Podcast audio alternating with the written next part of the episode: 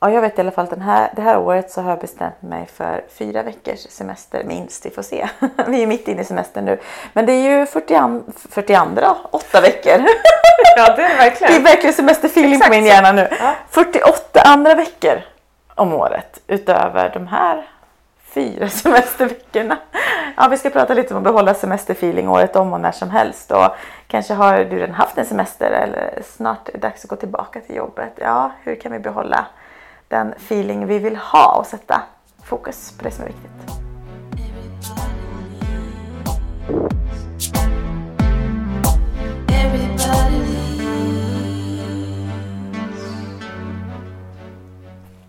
Vill du säga något? Vi har gått på semester båda två. Jag vill absolut säga något. Jag tänkte säga så här.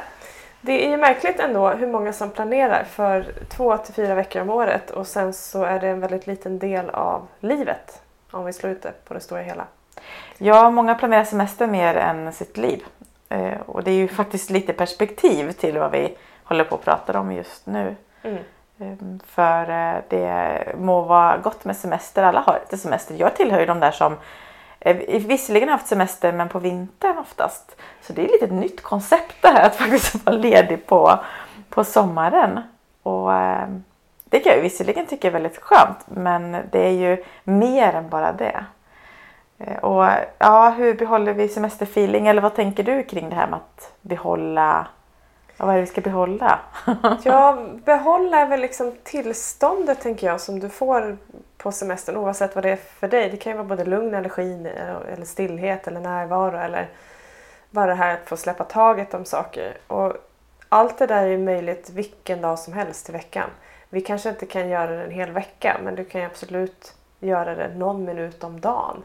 Eller det här som vi tjatar om det enkla, att lyfta blicken och notera allting du har omkring dig. Och bara stanna upp en kort sekund och fokusera på det som, som är istället för det som inte är. För det är ju rätt tråkigt att gå runt och ångra att man inte har semester större delen av ett år när man vet att det är liksom en omöjlighet om man inte har väldigt bra ekonomiskt liksom, förutsättning. Men å andra sidan kanske det skulle bli skittråkigt. Ja, för jag tänker mycket att det handlar om, som du sa, tillstånd men också vad vi, hur vi väljer att se på saker. För att du tänker om det är så att eh, gå tillbaka till ett jobb och det, för det är ganska vanligt att jag hör personer och även i vårt jobb så här, ja men nu kommer hösten igen och ja men ja det var bättre på semestern och nu vill Nu jag inte bara mer. på. Ja, och då kan man börja fundera, okej är det på rätt plats? För någonstans vet ju vi som älskar våra jobb och har förmånen och verkligen jobbar med saker, vi älskar att det är jätteskönt med semester och vi vet att vi kan vara så supertaggade och det är så mycket roligt som händer och bara önskar att alla skulle få uppleva det också. Att man har så roligt jobb. Så jobbet är också en semester om vi nu lägger in semester i, jag vet inte vad vi sätter på ordet. Eh, så det är en sak att börja fundera kring. Är du på rätt plats? Om det är så att det är liksom på eller av. Så.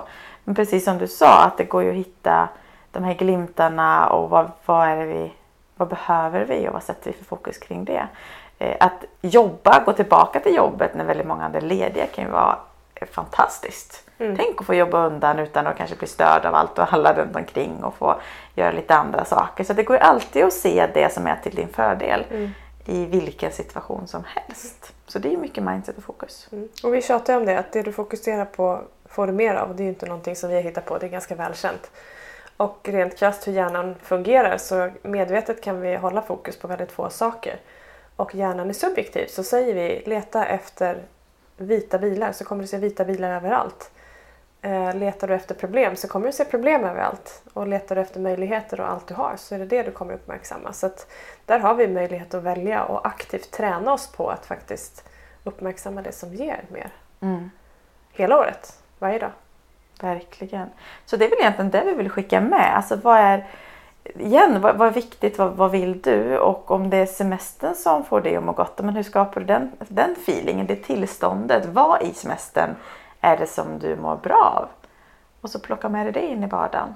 Om det är så i en mikroformat. Så att du får det i doser lite hela tiden.